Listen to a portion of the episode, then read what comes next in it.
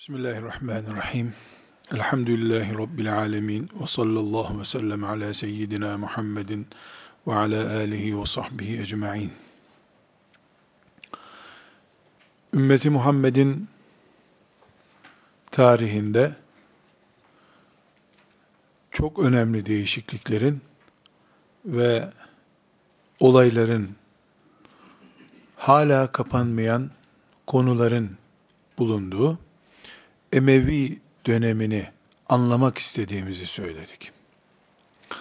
Bu anlama nedenimiz de bir tarih merakından kesinlikle kaynaklanmıyor. Biz Kur'an ve sünnet üzerinden dinimizi öğrenmek ve yaşamak istiyoruz. Bu Kur'an ve sünnet üzerinden fıkıh ilmiyle dinimizi yaşama arzumuz bugün, yarın, bundan 500 sene sonra bile bir Emevi filtresine muhakkak takılacaktır. Bugün de Müslüman gençler Emeviler diye başlayan bir tepki görmektedirler. Yarın da bu gerçekleşecektir. Bu nedenle objektif bir şekilde Emeviliğin ne olduğunu, Emevilerin ne yaptıklarını değerlendirmemiz lazım. Aksi takdirde önceki derslerde örnek olarak zikrettiğimiz gibi biz içtiğimiz suyun daha önce filanca şeyle kirlenmiş bir bardakla bize sunulduğunu kabul ederek içeriz. Kendi midemizi kendimiz bulandırırız. Emevilik tertemiz aldı gitti helal oldu denecek bir süreç de değil dinimizi şekillendiren bir süreç de değil. Müslümanların tarihlerinde bir dönemdir sadece. Bu dönemdeki olayların büyüklüğü, Kur'an'ın o olaylardan etkilendiğini söylediğimiz zaman afet olur.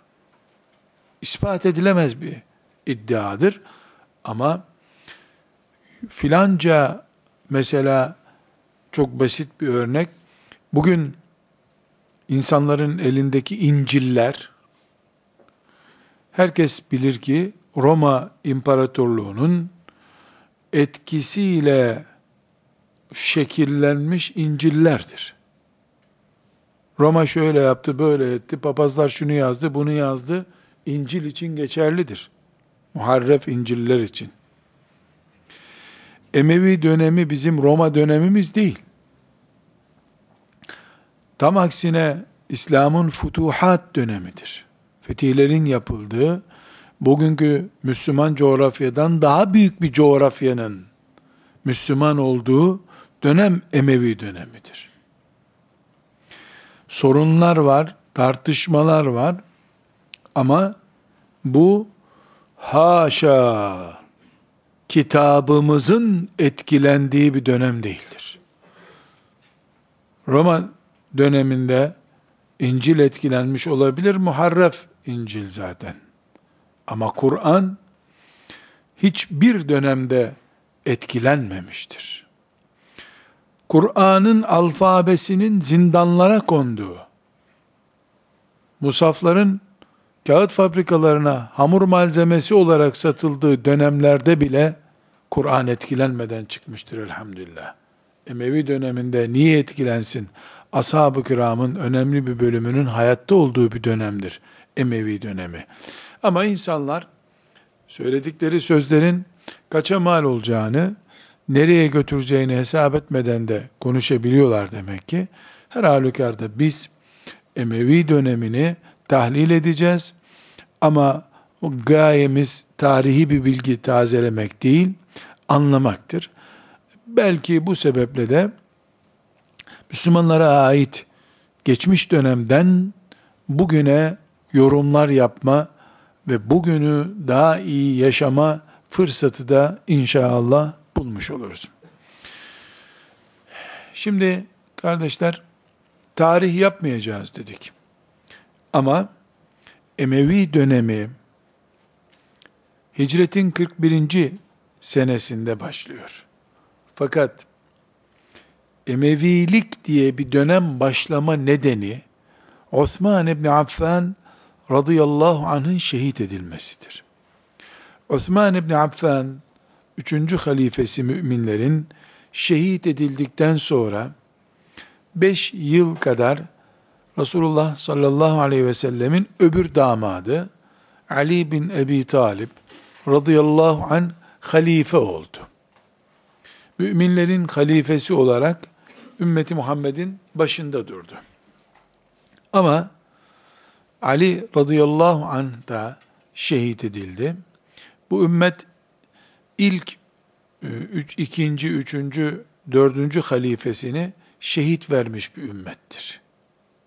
Sadece Ebu, Ebu Bekir radıyallahu anh yatağında vefat etmiştir. İkinci, üçüncü, dördüncü halifemiz, Raşid halifemiz şehit olmuştur. Bizim tarihimiz e, bu açıdan defalarca incelenmesi gereken bir tarihtir. Emevilik bir dönem olarak e, bir kabilenin adıyla anılan yani Emevi e, Resulullah sallallahu aleyhi ve sellemin dede tarafından amcalarının çocuklarının adıdır.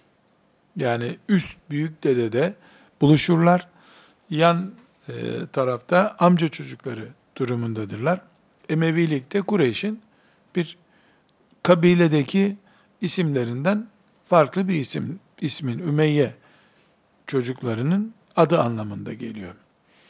90 küsür sene e, Müslümanların devleti, siyaseti, politikası, cihadı, her şeyi Emevi ailesinin elinde oldu. Biz onların artı eksilerinden önce konuyu iyi anlayabilmek için e, objektif bakıp bugün bize ders olarak e, bir sonuç çıkarabilmesi için köklerine Emevi tarihinin köklerine inmemiz lazım dedik. Osman İbni Affan radıyallahu an Kureyş'in Emevi denecek tarafındandır. Yani kabile olarak e, o aileden, Emevi ailesinin durduğu koldan geliyor. Resulullah sallallahu aleyhi ve sellemin damadı Osman İbni Affan 12 sene halife oldu. Bu 12 yıl çok önemli e, olayların da olduğu 12 yıldır. Ama esasen esasen e, bu Emevi dönemine ait e, bugün de tenkit edilen konular hemen Emevi döneminde başlamadı.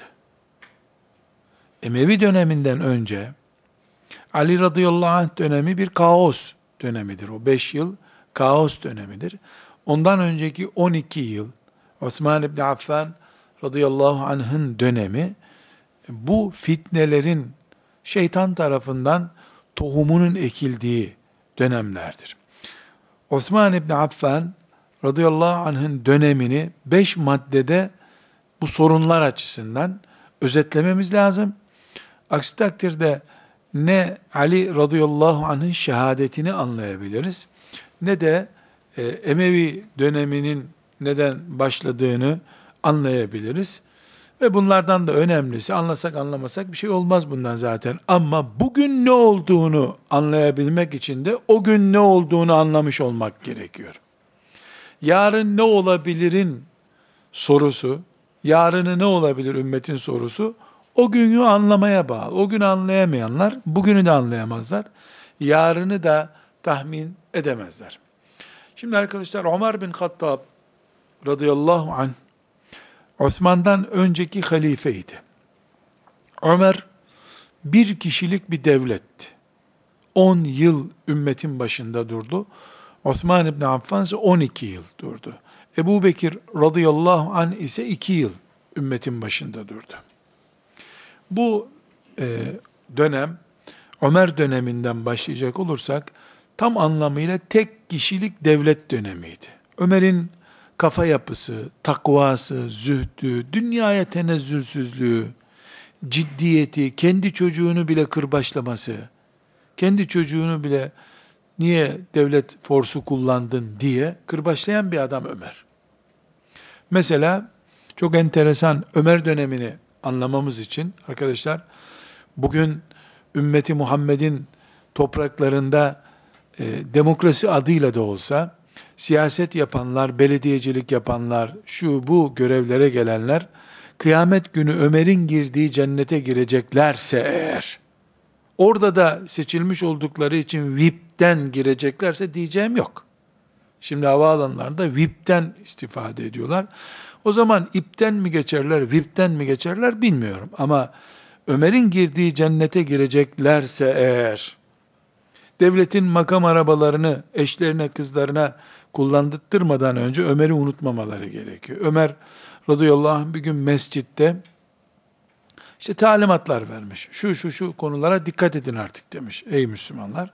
Sonra hemen eve gitmiş makamına geçmeden önce çocukları ve hanımını toplamış. Bana bakın demiş. Bugün mescitte şu şu konuları talimat verdim. Ve ceza koydum. Mesela şunu yapana şunu yaparım dedim. Allah'a yemin ediyorum ki sizden biriniz aynı şeyleri yaparsa iki kat cezalandırırım. Kendi ailesine sözü geçmeyen Ömer dedirtirseniz bana size iki kat ceza veririm demiş. Ömer'in dönemi böyle bir dönem. Sadece özet Ömer nasıl bir devlet idaresine sahipti? Niye durup dururken adil Ömer diyorlar? Yani bu adalet ruhu nereden geldi? Onu izah etmek bakımından bunu söylüyorum. Ömer'in dönemi böyle bir dönemdi. Herkes hayatından memnundu. Ömer bu huzuru, bu güveni sağlamanın bedelini hayatıyla ödedi. Bir sabah namazını kıldırırken bir mecusi, İranlı mecusi tarafından hunharca hançerlenerek şehit edildi. Radıyallahu anh. Ömer aradığı, özlediği Rabbine kavuştu. Ümmet dert aldı. Hadisi şeriflerle ihbar edilmiş konulardan biri de Ömer fitnenin kapısıydı. Ömer'le beraber fitnenin başlayacağını herkes biliyordu.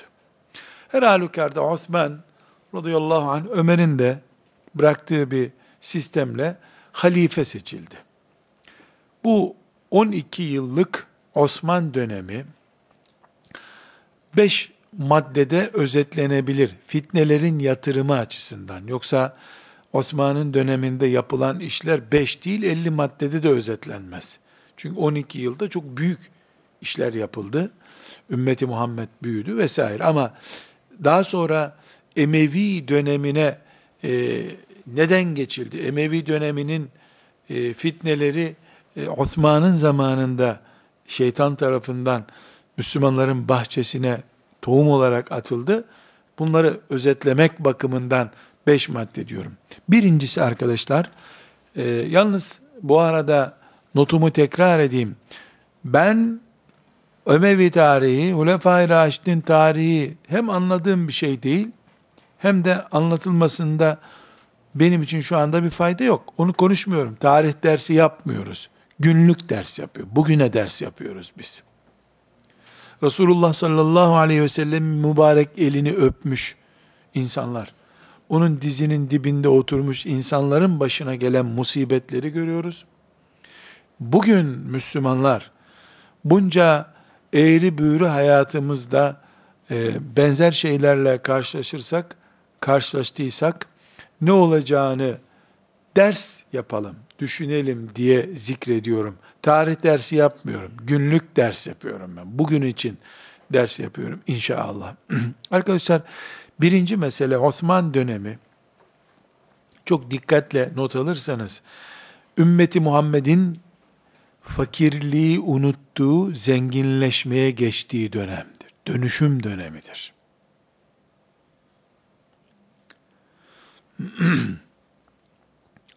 Bu dönüşüm daha önce hani ashab-ı kiram bir hurmayı iki kişi nöbetleşe yalayarak karnını doyuruyorlardı.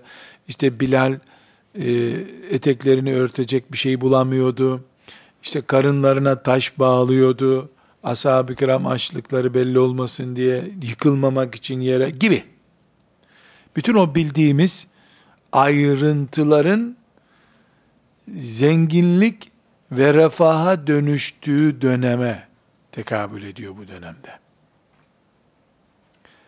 Yani ashab-ı kiram e, Osman İbni Affan döneminde e, bayağı kalabalıktılar. Böyle elimizde bir istatistik nüfus sayımı yok.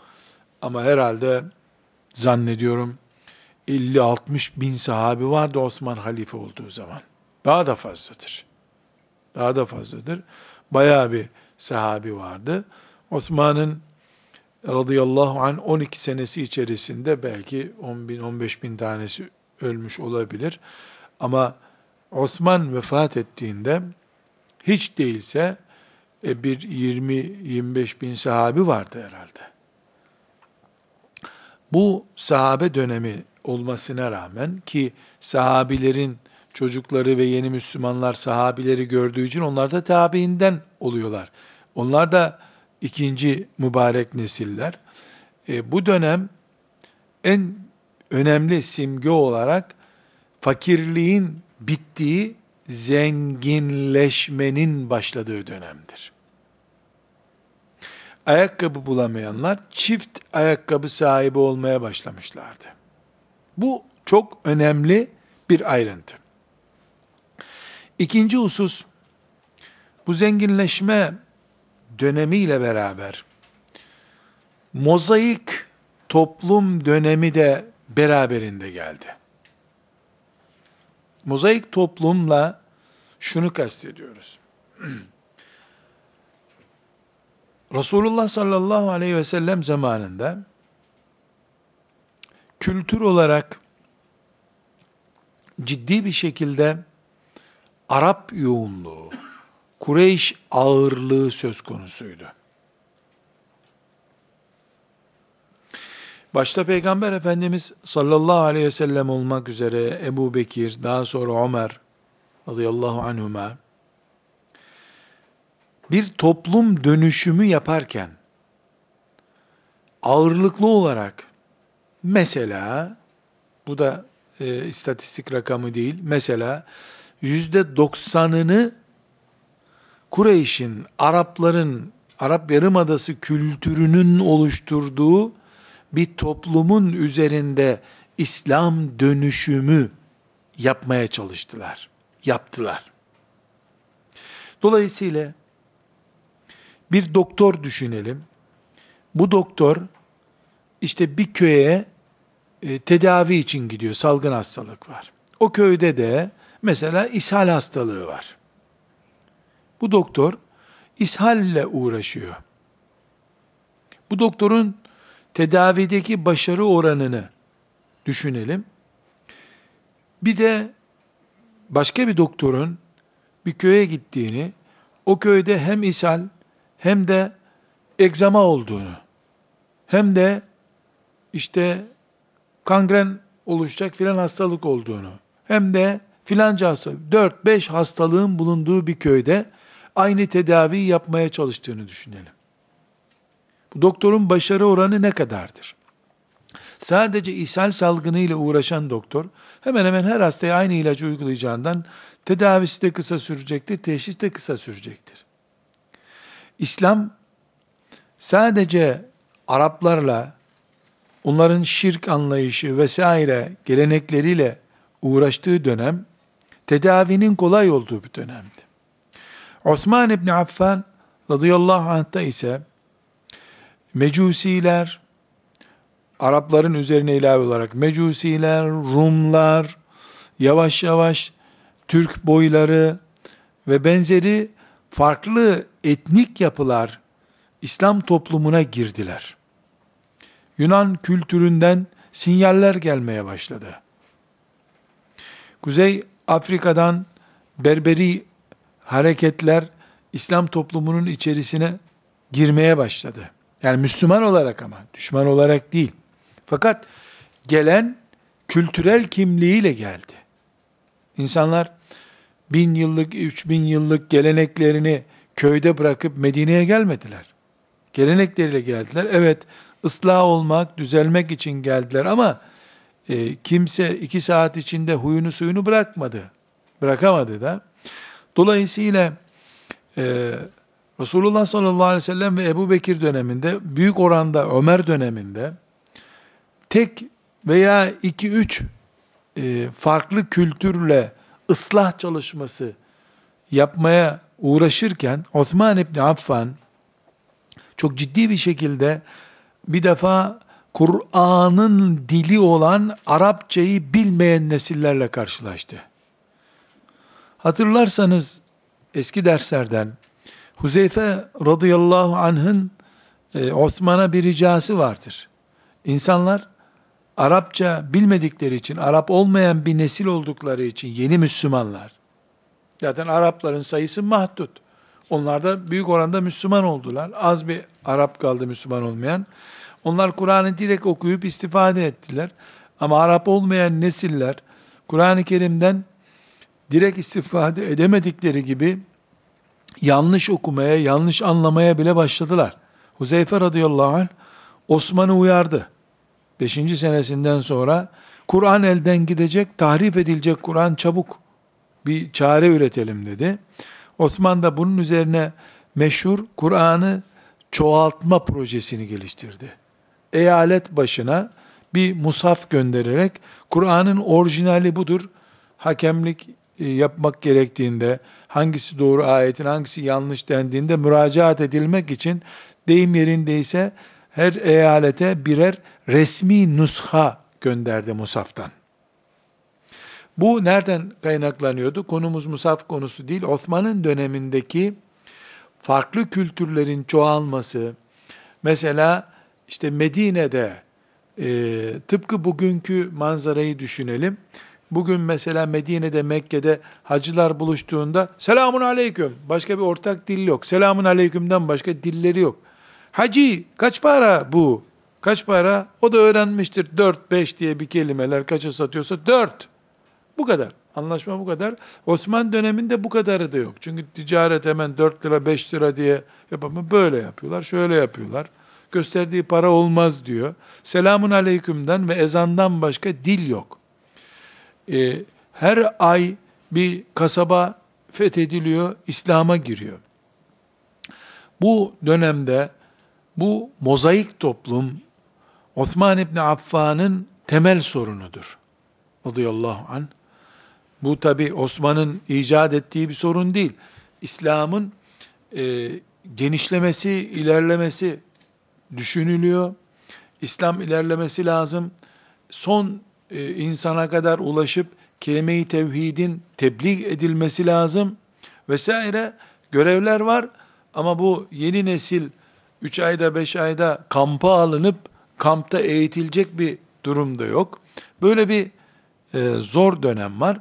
Bu dönemde Ömer bin Hattab'ın ilk dönemi, Ebu Bekir'in dönemi, Resulullah sallallahu aleyhi ve sellemin dönemiyle kıyas edildiğinde bu mozaik toplum bir sorun e, çıkardı ortaya. Nedir o? Sosyal ve ekonomik nedenlerle İslam toplumuna katılanların sayısı kabardı sosyal nedenlerle, bunu şimdiki lisanla tarif edersem ben, iktidar partisine kaydolan üye sayısı çok. Her gün İslam'ın büyük bir haberi geliyor. Filan kıtaya ayak basmış. Mesela tarihte çok zikredilmez. Endülüs'ün fetih planı Osman tarafından düşünülmüş. Endülüs Avrupa. Ve bu planda çok önemli İstanbul üzerinden o günkü haritalarla İstanbul'u fethedelim. İstanbul elimizde bulunsun. Bizans destek göndermesin. Arkadan da dolaşıp İspanya'yı fethedelim düşünmüş Osman. Hikmet ilahi tabi. Osman'ın bu planı daha sonra e, Muaviye'ye nasip oldu. Muaviye de gerçekleştiremedi. Radıyallahu anh. Arkasından diğer Emevi halifelerine nasip oldu. Ama Osman'ın akrabalarına nasip oldu bu. Osman'ın akrabalarına nasip oldu. Emevilerin kurduğu Endülüs devleti Osman radıyallahu anh'ın projelerini hayal ettiği bir uygulamaydı. İslam büyüdü. Siyaset olarak, coğrafya olarak büyüdü. Büyüyen bu İslam beraberinde tamahı olan, menfaati peşinde koşan bir grubu da getirdi. Dolayısıyla Medine'de dolaşanlar 15 sene önce dolaştıklarında Osman'dan 15 sene önceki dönemde dolaştıklarında buradan cennete gidiliyor herhalde diye gidiyorlardı. Ama Osman'ın döneminde yine o nesil devam ediyordu. Onların yanında bir de burada menfaat var. Gelecek var burada. Bizim çocuğu buraya kaydettirelim lazım olur. Diye düşünen bir nesil de peydalandı. Peki bu ikinci maddede zikrettiğimiz mozaik bir toplum oluştu. Bu mozaik toplumun içerisinde menfaatini, sosyal menfaatini, ekonomik menfaatini gözeten bir kadro vardı sürekli. Hem Medine'de, Osman'ın baş şehrinde hem Medine'nin e, diğer eyaletler olarak belirlediği Basra, Kufe gibi Mısır'da e, Fustat gibi şehirler yani yeni kurulmuş ahalisi sonradan oraya yerleşmiş şehirlerde bu sıkıntı peyda oldu. Bu beraberinde hangi sorunu getirdi? Şu sorunu getirdi. Bir, devlet olarak İslam adama muhtaç olduğunda Ebu Bekir zamanında e, bir ay içerisinde 14 ordu çıkardı Ebu Bekir. Nüfus da üstelik ne kadar azdı. Osman adam aradığında adam bulamadı ama. Niye bulamadı? Menfaati olanlar katıldı, olmayanlar mazeret buldular, kaçtılar gittiler. Saf, peygamber elinde yetişmiş, Ebu Bekir görmüş nesille, menfaatinden dolayı orada burada bulunmuş neslin farkı ortaya çıktı bu sefer. İktidar gidince giden insanlar oluştu. İktidar varken öl de ölelim diyenler, Osman'ın iktidarı sallanmaya başlayınca Osman'ın ilk düşmanları oldular bu sefer. Bundan ders almayanlar kıyamete kadar başlarına belayı hep kendileri üretmiş olacaklar. Osman radıyallahu anh bu ümmetin raşit halifesidir. Allah ondan razı olsun. Sadece abdest almayı bize öğretmemiştir. Bir mümin siyasetçinin nelere dikkat etmesi gerektiği de Osman'ın üzerinden öğrenildiği için bu ümmete hayırlı bir hizmet yapmıştır. Allah ondan razı olsun. Dedik ki birincisi zenginleşmeye dönüşümün olduğu bir dönemdir. İkincisi mozaik bir toplum olmuştur. Bu mozaik toplumda tamahından, menfaatinden dolayı bulunan kitleler vardır. Üçüncü olarak Resulullah sallallahu aleyhi ve sellem döneminde ki ümmeti Muhammed'e ait toprak parçası Osman radıyallahu anh döneminin onda birinden küçüktür. Ebu Bekir döneminde ise bakıldığında onda üçünden daha büyük bir toprak. Yani Ebu Bekir'i Osman'ın döneminin onda üçü kadardır hemen. Ömer döneminde daha büyüktür bu. Osman döneminde bugünkü Azerbaycan, Mısır'ın içleri Tunus sınırı, o bölge olduğu gibi e, ve bugünkü Antakya toprağı, bu coğrafyayı böyle bir düşünelim. Osman radıyallahu anh'ın yönettiği toprağın adıdır. Bu büyük toprak parçasında Müslümanların askeri kontrolü nispeten sağlanıyordu. Ama ciddi bir manada bilgi kirliliğini, dedikoduyu önleme imkanı olmadı. Olamadı. Bir mescitte Basra'da birisi çıkıyor bir cümle kullanıyor. Medine'de şöyle yapılmış diyor. Medine'den Basra'ya gidip gelmek iki haftalık bir yol. İki haftada gidiliyor, meselenin aslı öğreniliyor. İki hafta sonra geri geliniyor. Neticede bir ay içinde meselenin aslı öğrenilene kadar vuran kıran döken oluyor bitiyor iş zaten. Enformasyon kirliliğinin önüne geçilemedi. Hucurat suresinde Allahu Teala'nın fasıkların getirdiği haberlere inanmamakla ilgili emri uygulanamadı. Osman radıyallahu anh'ın 6. 7. senesinden sonra bu enformasyon kirliliği ve bunun önlenemeyişi Osman'ın şehadet nedenlerinden biri oldu. Kendi halifesi, ümmeti Muhammed'in lideri hakkında ipe sapa gelmez laflara, dedikodulara camilerde namaz kılanlar inandılar. Bunların çoğu bir sahabi de görmedikleri için, e, iyi bir tabiinin, tabiinden iyi birisinin dizinin dibine oturma imkanı bulmadıkları için de, bunun maliyetinin, böyle bir dedikodunun maliyetinin, ümmeti Muhammed'in geleceğine mal olacağını, bu dedikoduyu çıkaranın, buna alet olanın kıyamete kadar yaşayacak milyarlarca müminin lanetine müstahak olacağını hiç akıl edemediler. Akıl edemediler. Bu faturada yani ümmeti Muhammed'in topraklarında ümmetin öz değerlerine, bir numaralı şahsiyetlerine karşı yapılan dedikoduların üretilmesi, yayılması, kirlilik oluşturmasına karşı bir tedbir de alınamadı. Bu tedbir alınamayışının tabi farklı nedenleri de var ama her halükarda nedenleri ise Osman dönemini özetliyoruz. Emeviye geçiş nedeni olan Osman dönemine ait radıyallahu anh e, de, sorunlar birincisi Osman dönemi zenginleşme dönemidir dedik. İkincisi mozaik bir toplum oluşmuştur. Bu mozaik toplumda Allah'ı rızasını cenneti arayanların yanında sosyal ve ekonomik e, gerekçelerden dolayı Medine'de ve İslam şehirlerinde bulunanlar vardı. Üçüncü olarak enformasyon e, kirliliği ciddi bir şekilde e, ümmeti Muhammed toprağını etkilemişti dedik. Ve dördüncü neden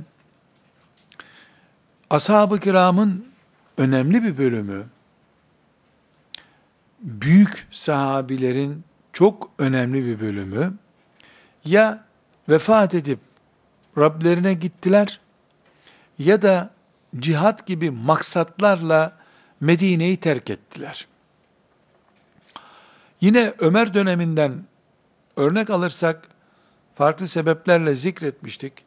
Ömer radıyallahu anh başta Bedir ashabı olmak üzere e, ashabın büyüklerinin Medine'den çıkmasını yasaklamıştı. İslam'ı ümmetin büyükleriyle yönetmek arzusuydu bu. Osman radıyallahu anh bizzat kendisi cihada gitmek isteyenlere izin verdi. Osman merhametiyle ve üstün ahlakıyla şöhret bulmuş birisidir. Ricayı geri çevirmeyen bir anlayışı var. Biz cihada gidelim, Ömer'e dendiğinde oturun oturduğunuz yerde diyordu. Gençler gitsin, siz bana lazımsınız diyordu. Osman ise, tabi canım Allah'ın emri buyur git diyen, yani böyle ben ifade ediyorum bunu, böyle diyen kimseye yok diyemeyen birisi. Merhametli, halbuki sonra anlaşıldı ki, devlet Ömerli bir adam istiyor. Ömer kafalı adam istiyor. Eli kırbaçlı dolaşacak. Osman radıyallahu anh ashabın büyüklerinin Medine'nin dışında olmasına müsamaha gösterdi. Bir de vefat ediyor yaşlı sahabiler. Gençlerinden şehit olanlar oluyor. Sonunda Osman'ın 10. senesine gelindiğinde, hilafetinde, şöyle bir manzara ortaya çıktı. Ashabın büyükleri yok. Onun yerine Medine'de yeni Müslümanlar var. Dolayısıyla Resulullah sallallahu aleyhi ve sellemin kendisinin kabrinin kıymetini, Medine'nin payitaht, İslam devletinin merkezinin olmasının stratejik olarak ne demek olacağını anlamayacak bir nesil ortada var. Hele Osman'ın şehit olduğu günlerde hemen hemen Medine'de 10 tane sahabi yoktu. Hepsi hacca gitmişlerdi. Hac günlerine tekabül ediyordu. Projeyi planlayıp Osman'ı şehit edenler ise Osman'ın Medine'de yalnız kaldığı dönemi iyi planladılar ve Osman'ı şehit ettiler. Burada diyeceğiz ki Müslüman insan olduktan sonra sahabiyle ne fark var? Öyle değil. Ashab-ı kiramdan 500 kişi Medine'de olsaydı, Osman'ın hakkında ne konuştururlardı, ne de Osman'ın evine yaklaşabilirdi katiller.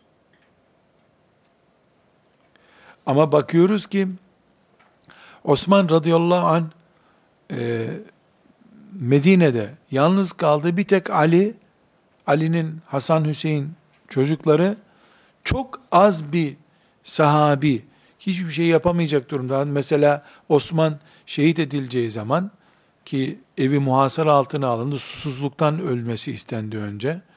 Ee, Osman Osman'ın susuzluktan öleceğini anlayınca Ali radıyallahu anh oğlu Hasan ve Hüseyin'i e, koruma ve ona erzak taşıma görevlisi olarak gönderdi. Ama e, çapulcuların işgaline karşı e, bir şey yapılamadı. Ne yazık ki bir şey yapılamadı. E, buradan bugüne taşımak istiyorum bunu. Çünkü tarih dersi değil benim için. Bir hoca efendi, bir vakıf başkanı, bir önder, siyasi veya ticari önemli değil, kooperatif önderi, çekirdekten gelen dava arkadaşlarını seyahate bile göndermemelidir demek ki.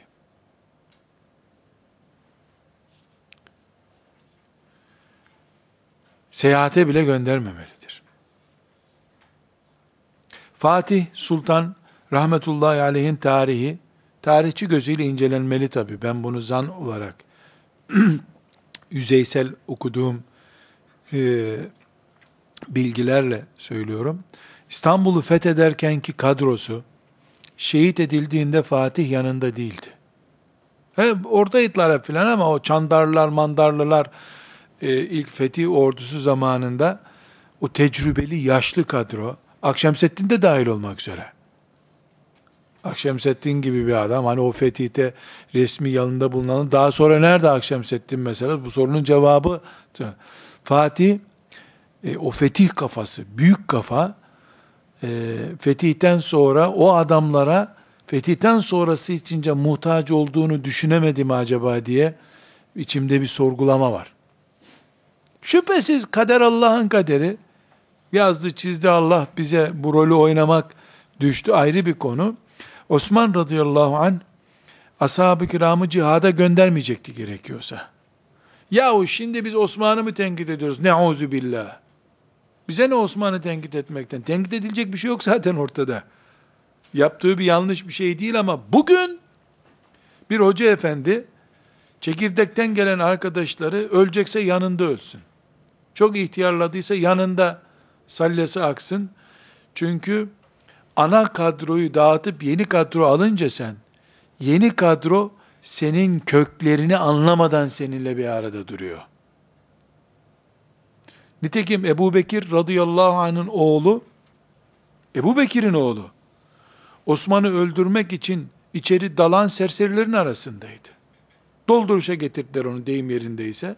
O da geldi Osman'ın sakallarından asılmış. O da ona demiş ki yavrum senin bana yaptığına yanmıyorum da babanla geçirdiğimiz o günleri baban görürse kıyamet günü sen ne yapacaksın ona yanıyorum demiş.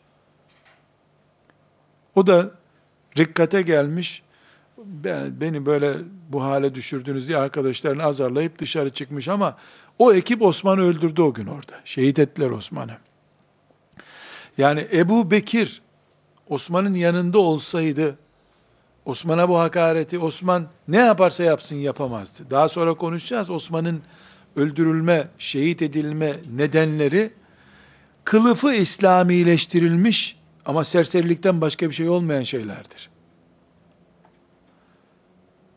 bu e, vakıf başkanlarının, siyasi hareket yürütenlerin veya bir sanat hareketini yürütenlerin kim olursa olsun yeni yetmeler daha çok yağ yaksalar da eskiler kadar onu anlamayacağını bilmelerini gerektiriyor. Osman gene cihada göndermişti ashabın büyüklerini. Ama bugün anlaşılıyor ki hacca bile bu sene gitmeyeceksiniz demesi gerekiyordu. Çünkü ortada bir fitne var. Nitekim Amr ibn as ve Muaviye radıyallahu anhuma Osman'a e, belli e, ricada bulundular. Yani Medine'ye ordu getirelim. Bu sene gerekiyorsa haç planlarını değiştir. Genç gençler gitsin, ashabın büyükleri burada kalsın. Osman merhametli bir adam. Allah büyüktür. Herkes aman ibadetini engellemeyin kimsenin, aman kimsenin cihadını engellemeyin diye e, tepki gösterdi. Radıyallahu anh. Bu büyüklük başka bir büyüklük tabi. Yani bu da e, deyim yerinde ise bir kilo pamuk mu ağır, bir kilo demir mi ağır deniyor ya. Ömer'inki bir kilo demir ağırlığında, Osman'ınki de bir kilo pamuk ağırlığında bir şey. Yani bu da başka bir derya. Yani ben burada öleyim gideyim, ümmetimin e, insanları arıza görmesin diye düşünen bir anlayış. Allah ondan razı olsun şefaatine hepimizi nail eylesin diye dua ederiz. Bu da çok önemli bir nokta. Bugünün tarihini okumaya çalışıyoruz. Yarının tarihini okumaya çalışıyoruz. Osman'ın Medine'de radıyallahu an yalnız kalması ashab-ı kiramın büyüklerinin zaten çok büyük oranda e, sahabilerin gençleri kalmış. Ana sahabiler işte Ömer döneminin sahabileri filan hepsi e, vefat etmişler vesaire. Bir kısmı da işte cihat sebebiyle, şu sebeple, bu sebeple Medine'nin dışındalar. Hac niyetiyle işte hacca giden de 3 ay önce çıkıyor zaten hacca gitmek için veyahut da 2 ay önce çıkıyor neyse. Böyle bir kaos Osman radıyallahu anh'ın döneminin kaosu olarak zikredilebilir. Ve bir beşinci sebep, bu çok önemli bir mesele, bugünü tekrar konuşuyoruz. Bugünü tekrar konuşuyoruz. Osman'ın ismi üzerinden radıyallahu anh şefaati ve bereketi ismi, isminin bereketiyle ihya olalım diye bugünü aslında konuşuyoruz. Zaten Emevi başlığını da ben bugün için konuşuyorum. Tarih yapmamızın benim açımdan bir faydası yok zaten. Osman'a Osman'ın 5. senesine kadar deyim yerinde ise böyle bir istatistik rakam değil bu da her gün bir fetih haberi geliyordu. Mesela ne gibi? Medine'den ordu çıkıyor. Sık sık geri postacılar geliyor. İşte mesela bir Muharrem'de Medine'den 5000 kişilik bir ordu çıkıyor. 20 Muharrem'de kargo geliyor. Filan yerde bıraktım ben orduyu diyor. Osman bir talimat daha veriyor veya halife kimse bunu götür diyor. Gidiyor. 10 gün sonra haberleşme böyle sağlanıyor. 10 gün sonra bir haberci daha geliyor. Basra'da bıraktım ben onları. Emir böyle dedi diyor. Osman ona da bir talimat veriyor. Eski kargocu gidiyor o kalıyor. 30 gün içerisinde 30 kargocu belki gidip geliyor. Haber taşınıyor. İleti cep telefonları böyle çalışıyormuş o zamanlar. Yani çok çekmiyor cep telefonları herhalde böyle çalışıyor. Şimdi e, her gün işte giderken filan yere uğradık. Azerbaycan'a giderken filan yere uğradık. Filan yere uğradık. Filan yere uğradık. Filan kabile Müslüman oldu. Filan yer fethedildi. Filan yer biz de İslam olacağız dediler. Böyle sürekli mutlu haberlerin geldiği bir dönem. Beşinci senede Hazar Denizi ile karşılaşıldı. Hazar Denizi ve Asya dağları karşısına çıktı ashab-ı kiramın. Artı ikinci bir sorun çıktı. Cihad ediliyor. Koca bir şehir fethediliyor. Osman oraya hemen bir kişiyi emir tayin ediyor. Bir tane de Kur'an öğretecek hoca tayin ediyor. 20 bin kişilik kasaba iman etmiş. Bu adamlar abdest bilmiyorlar. Bir tek kelime-i tevhid söylüyorlar. Geliyorlar caminin önünde bekliyorlar. Bizi Müslümanlaştırın. Osman oraya bir kişi gönderebilmiş. O bir kişi abdesti mi öğretecek? Kur'an mı öğretecek? Zekat mı toplayacak? E, ikinci kişiyi gönder diye rica ediyorlar. E, ikinci kişi filan köye gitmiş. Herkes aktif. Dedik ki Medine boşalıyor. Medine boşalıyor. Herkes bir yerde görev alıyor. Bir coğrafi engeller çıktı. yani ashab-ı kiramın düzlük vadiler olan bir Arap Yarımadası'ndan Asya dağlarına çıkışı e, onlar için zor oldu. Yani dağ şartlarına alışık bir nesil değildi ashab-ı kiram, Osman'ın döneminin insanları. Ama ashab-ı kiram 10 günde gidecekleri yerde 30 günde gitmeye hazırdılar. Fakat ikinci sorun ashab-ı kiram e, radıyallahu anhum cemiyen hızlı eğitim yapıyorlardı. Fakat gelen nüfus, Müslüman olan nüfus yetişilecek çapta değil. Ve sürekli artıyor. Mesela Muharrem'in Muharrem ayı içerisinde diyelim nüfus 300 bin Müslüman nüfus Rabiül evvel ayında 350 bin oluyor. Eğitmeye yetiştiremiyorsun gibi bir sorun oldu. Bu da işte ikinci ve üçüncü maddede saydığımız problemi ortaya çıkardı. İslam zevki, cihat ruhu, cennet heyecanı olmayan bir Müslüman güruh çıktı ortaya bu sefer. Kitlesel İslamlar ortaya çıktı ama kitleleri eğitme imkanı bulunamadı. Bu ashab-ı kiramın ileri gelenlerinin e, tefekkür ettiği bir konu oldu. Beşinci senesinde, beş veya altıda olabilir, e, Osman'ın topladığı bir şura meclisinde, Amr ibn el-As radıyallahu an deha bir sahabi, Osman'a şu teklifte bulunmuş. demiş ki, ya emir el müminin demiş. Cihatla ben özet olarak anlatıyorum tabi. Cihatla eğitimi birleştiren bir politika yapmamız lazım. Başka bir teklifte de şu söylenmiş, cihadı bir miktar durduralım. Ordular bulunduğu yerde dursun, onun yerine eğitim faaliyetleri yapalım. Başka biri de, ne yapıyorsunuz siz ya? Müslüman olmamış kitleler var. Çin'e doğru hedefliyorlar şimdi. Çin'de Müslüman olmayanlar var. Cihadı durdurursanız Allah bunu sizden sorar. Diyor. Osman radıyallahu anh cihada ara verelim, eğitim yapalım. Politikasını tercih ediyor neticede. Yani madem eğitemiyoruz insanları, Kur'an öğretemiyoruz, bunun yerine cihat dursun, dursun derken iptal edelim cihadı değil. Yani her hafta bir ordu çıkaracak yerde eğitimci çıkaralım, nesiller yetişsin, bu arada vakti gelince de cihada devam ederiz diyor. Radıyallahu anh. Bu da Amr ibn As'ın ciddi itirazı var. Ya emir al müminin diyor. Bu cümle çok önemli. Bugünkü tarihi okuyoruz. Bu kadar enerjik bir ümmet kışlada beklemez. Bekletirsen Medine'de seni öldürürler diyor. Şehadetinden beş sene önce en az. Bu ümmet cihad ümmetidir diyor. Bu ümmet cihad etmezse fitnesi olur diyor. Osman düşünüyor, taşınıyor. Bu tekliflerden dediğim gibi e, daha ağırlıklı olarak ikinci teklifi yani dursun cihad yerinde saysın bir miktar nesil yetiştirelim teklifi ediyor.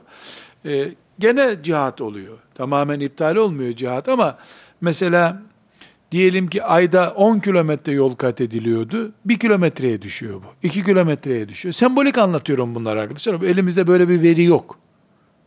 Genel olarak o 12 senenin politikasını tartıyoruz. Neticede ne oldu? Cihat için bilenmiş, heyecanla dolu bir nesil kamplarda bekletildi. Mısır'da Fustat denen bir kamp şehirde bekletildi. Bunlar akşamdan sabaha, sabahtan akşama kadar kılıç bileyecek yerde dedikodu bile eylediler. Mesela biri çıkıp dedi ki, daha sonra bunu inceleyeceğiz. Osman Kur'an'ı yaktırmış Medine'de. Yapmayın ya demiyor. Nasıl yakar? Yaktırmış. Lan şaka yapmayın Kur'an yakılır mı? Yaktırmış. Yaktırdı mı? Yaktırdı hakikaten. Herkes kendine göre bir musaf yazmış. Sonra da devlet onaylı yedi tane musaf yazdırdı Osman. Gerisini Medine'de tuttu yaktı. Neden? Kimi Bakara suresini 5. sure yapmış, kimi Tevbe suresini yanlış yazmış. 10 aylı 7 tane musaf, bunun dışında kimse musaf saklamayacak demiş. Bunu yapması Osman'ın Kur'an-ı Kerim'i toplayan ilk e, Ebu Bekir radıyallahu anh hamlesinden daha değerli bir hamle. Yoksa bizim de elimizde şimdi 50-60 tane Kur'an çeşidi olurdu. Allah muhafaza buyursun. Düşünebiliyor musunuz? Kastamonu'da bir Müslüman ashab-ı kiramdan filan sahabiye ait olduğunu tarihen belgeleyeceği bir musaf var elinde. O musafta da Tövbe suresi yok. Yahut da Tövbe suresinin yerine Vaka suresi konmuş. Böyle bir şey olsaydı bizim halimiz ne olurdu şimdi? Tertemiz hiç el değmemiş musaf var da gene kurtaramadık musafımızı içimizdeki densizlerden. Bir de öbür türlü olsaydı. Allah Osman'dan razı olsun yaktırmış hepsini. Ama o e, çadırlarda oturup cihat yapmadan bekleyen on binlerce insan vay be bu, bu da olacak da milletimizin başına gelene bak ya musaf yaktırmış adam. Mesela e, Osman'ın en önemli sorunlarından biri akrabalarını kullanmış görevlendirmede. Ya başkasına görev vermemiş anlamında değil bu. Mesela filan yere vali mi tayin edecek? E, onu bunu tanımıyor. Akrabalarından birini gönderiyor. E onlardan suistimal edenler olmuş tabii olarak. Ömer döneminde de oldu bu. Ömer çağırdı, milletin içinde kırbaçladı koca valiyi. Bildiğin kırbaç.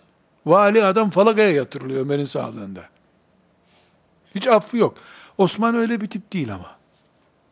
Osman öyle bir cezalandıran tip değil. Onu alıyor başka vali tayin ediyor. Bunların da bedeli hep Osman'a radıyallahu anh ödetildi sonra. Allah ondan razı olsun. Şimdi bu Osman dönemine ait genel durumu niye değerlendirdik? Çünkü Osman'ın şehadeti Ali radıyallahu anh'ın halife olmasının nedenidir. Ali'nin radıyallahu anh halife olmasına Muaviye itiraz etmedi. Müminlerin halifesisin dedi. Ama Osman'ın katilleri senin yanında sekreter olarak dolaşıyor dedi. Bu şeriata aykırıdır, bunu düzelteceksin. Düzeltmedikçe ben sana el uzatmıyorum dedi. Ali de ya bunlar dün ortaya çıkıp bugün benim yanıma sekreter olarak gelmediler. Senelerdir Osman'ın kuyusunu kazıyorlar. Ben bunların iki günde cezalandıramam. Ki dedi hakikaten de cezalandırması mümkün değildi. Cezalandırsan e, yani çok böyle günlük örnek vermek istemiyorum.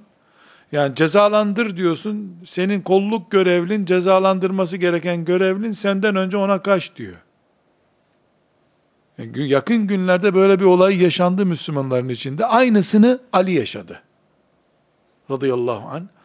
Bu Ali'ye itiraz nedeni oldu. Ali'yi başkaları şehit, et, kendi adamları Ali'yi şehit ettiler daha sonra. Ali'yi şehit edenler Ali'nin askerleridir. Şehit ettiler onu. Şehit edince Hazreti Hasan'a hilafet kaldı. Bu tarihe döneceğiz. Hazreti Hasan da ümmet barış halinde olsun diye Muaviye'ye teslim etti görevi. Bu karmaşık ortamda Muaviye'nin yani Emevilerin ilk halifesi olan Muaviye'nin, Emevi döneminin ilk adamı olan Muaviye'nin görev teslim alış nedeninde Osman var.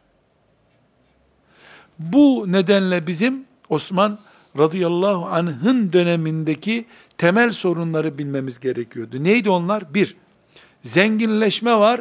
Cebi para görmüş Müslüman, karnına taş bağlayan Müslümanın sadakatini gösteremedi. Hala öyle. Hala öyle. İstanbul'a gelirken emanet ayakkabı alanlar, İstanbul'da kendilerini farklı bir dinin mensubu yaptılar. Allah'ın haramlarına kılıfı buldular hemen. İki, Osman'ın dönemi toplumun dönüşüm yaptığı, tamahkarların, cenneti ucuz zannedenlerin yaşadığı bir toplum olmuştur. Üçüncüsü, dedikodu, fitne, fesat, tweetler, facebooklar filan çok yayılmış o dönemde. Tweet'ta dedi ki dediğimi çalkalanıyor her yer. Medine'yi çalkalatlar mesela. İkinci başlıkta bunu göreceğiz inşallah. Medine'yi tweet'la çalkalatlar. O zaman da şimdi de. Şimdi arkadaşlar küfrün sistemi değişmedi. Aletleri değişti. O zaman sakallı bir adam elini şakağına koyup bir hurma ağacının altında Allah Allah. Demek ki Osman musafları yaktı ha. İnna lillahi ve inna ileyhi raciun ya. Kendi elimizle Allah'ın kitabını mı yakacaktık biz? Eli şakağında bir de gözleri yaşlı. Bir böyle oldu. Şimdi o sakallı adam yok öyle yaşlı adam filmlerde var sadece. Şimdi tweet atıyor. Bazı hocalar Kur'an'la oynuyorlarmış. Şeriatta olmayan şeyleri söylüyorlarmış diyor. O tweet çalkalıyor. Şeytanın değiştirdiği bir şey yok. Alet değiştiriyor sadece. Belki de 10 sene sonra tweet de olmayacak dünyada. Başka bir e, fitne fesatla şeytan görevini yapacak. O zaman akıl, aklınlanıp fitneye alet olmayayım demeyenler, dün demeyenler, bugün demeyenler, yarın demeyenler aynı cehennemde toplanacaklar. Zararı İslam gördü. Ve olgun kadronun Medine'yi terk etmiş olması, cihat niyetiyle de olsa, Osman radıyallahu anh'ın elini zayıflattı. Bugüne döndük tekrar, 20 senedir bir hoca efendinin sisteminde bulunan, bir vakfın yönetiminde bulunan, yönetim kurulundan ayrılsa bile vakıfın dışında kalmamalı. Siyasetçiler e, yeni yağdanlık bulduklarında eski dostlarını satmamalıdırlar. Satarlarsa ümmeti Muhammed'i yönetirken ümmeti Muhammed'in zarar göreceği işleri anlayamazlar. Çünkü hiçbir diploma, siyasal bilgiler, iletişim bilgileri, fabrika bilmem ne, hiçbir diploma tecrübe ayarında değildir.